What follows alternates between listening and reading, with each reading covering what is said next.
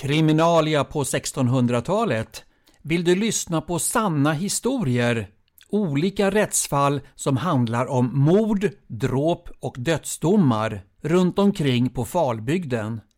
Jag misstänkte väl det och därför så kommer jag läsa upp åtskilliga sådana ärenden. Både långa och korta och sådana som slutar med avrättning eller att de blev frikända. Sånt vet man aldrig i förväg.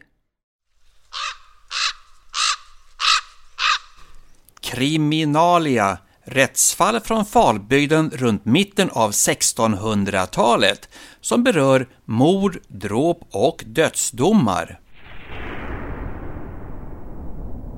Fast här följer några kuriosa mål.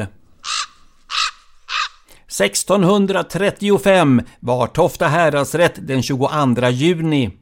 Sven Bengtsson, en soldat, klagade att hans hustru Anna Jonsdotter har sålt hela hans bohag medan han var i fiendeland och har dessutom låtit sig bli belägrad av ryttaren Lars Nilsson.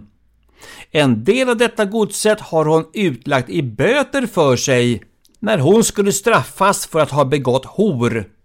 Därför blev hon dömd efter köpmålarbalken att de som med henne har köpslagit både före och efter lägersmålet skall återgiva det.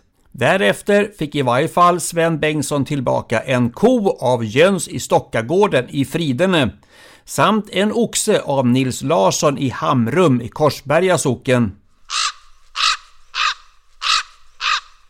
Gudhems häradsting den 24 september 1638 då framkom den vällärde Anders Ambjörnsson i Åkatorp i Valtorps socken och besvärade sig högerligen att nu under den förledne fastan om våren inför påsken så blev hans lador och led, alltså gärdsgårdar och grindar, av stormväder omkullblåsta, varav han led stor skada både på säd och hö såsom också skador på logen av regn och annat oväder. Men eftersom han åt alla väderstreck hade långt till skogen har han inte haft förmåga att upprätta samma byggnader igen.